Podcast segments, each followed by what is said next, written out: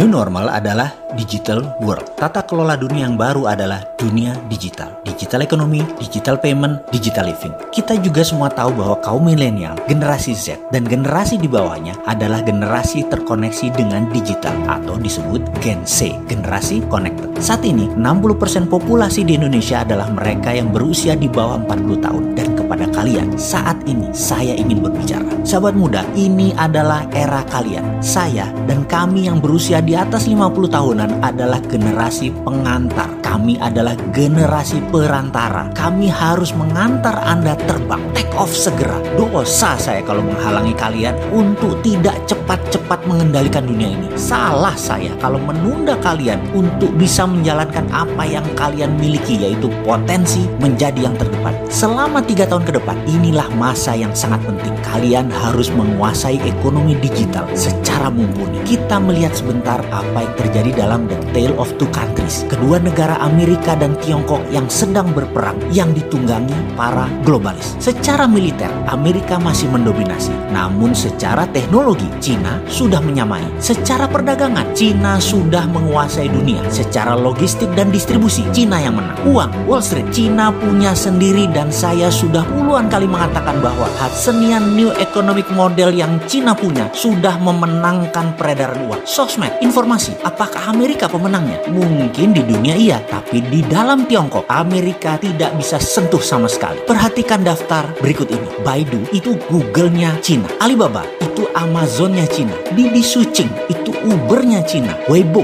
itu Twitter-nya Cina. Renren itu Facebook-nya Cina. WeChat itu WA-nya Cina. Yoku itu YouTube-nya Cina. QQ adalah Gmail-nya Cina. Sahabat muda, melihat hal ini ke depan, mari kita bangun platform digital itu semua dan kali ini kita meminta pemerintah ikut turun tangan. Tiru apa yang Tiongkok lakukan untuk negaranya. Setelah kita membangun ratusan platform tadi, maka pemerintah dengan gagah berani harus berani melakukan apa yang sebuah negara revolusioner berani lakukan seperti Tiongkok, blok yang asing-asing itu. Uber tidak boleh masuk Cina sampai Didi Sucing menguasai 80% pasar Cina. Alibaba menguasai 80% market, baru Amazon boleh masuk. WeChat menguasai 90%, baru WA boleh masuk. Weibo menguasai 80%, baru Twitter boleh masuk. Itu nasionalis namanya. Pejabat kalau berani kayak begini, itu baru namanya patriotis. Dan kalian sahabat muda harus bisa membangun platform itu semua sehingga ketika pemerintah melakukan tindakan proteksi tadi, kalian sudah siap. Sekali lagi saya ingatkan, tiga tahun ke depan adalah masa yang sangat cepat dan kita semua tahu dalam 3 sampai 6 bulan ini saja kalian bisa membangun semua platform tersebut. Kemudian di semester 2 tahun ini juga tahun 2020 mulailah jalankan platform-platform tadi sehingga secara sederhana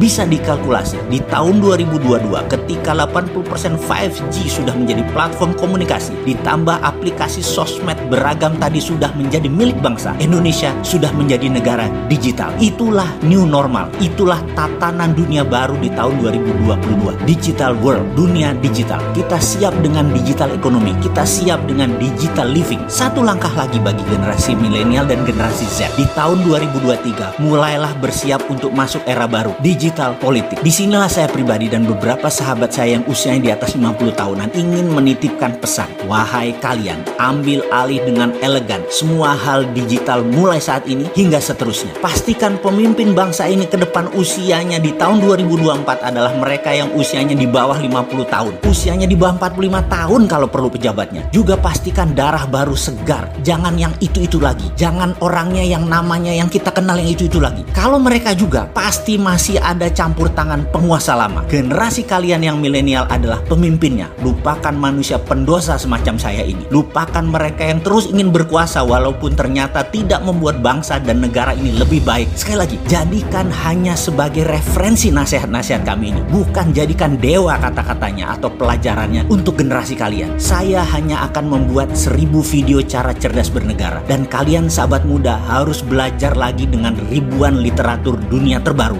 buatlah desain baru negeri ini. Jangan pakai otak kami yang sudah tidak terbukti dan tidak membuat orang semua sejahtera. Saya yakin semua senior pasti legowo melihat apa yang kalian lakukan selama tiga tahun ke depan. Kalian memantaskan diri kalian untuk memimpin bangsa ini secara konstitusional. Dalam tiga tahun ke depan jika kalian tidak mengambil peluang ini semua, juga tidak berkarya apa-apa, maka saya di tahun 2023 pasti akan menghardik kalian. Ke mana aja lu.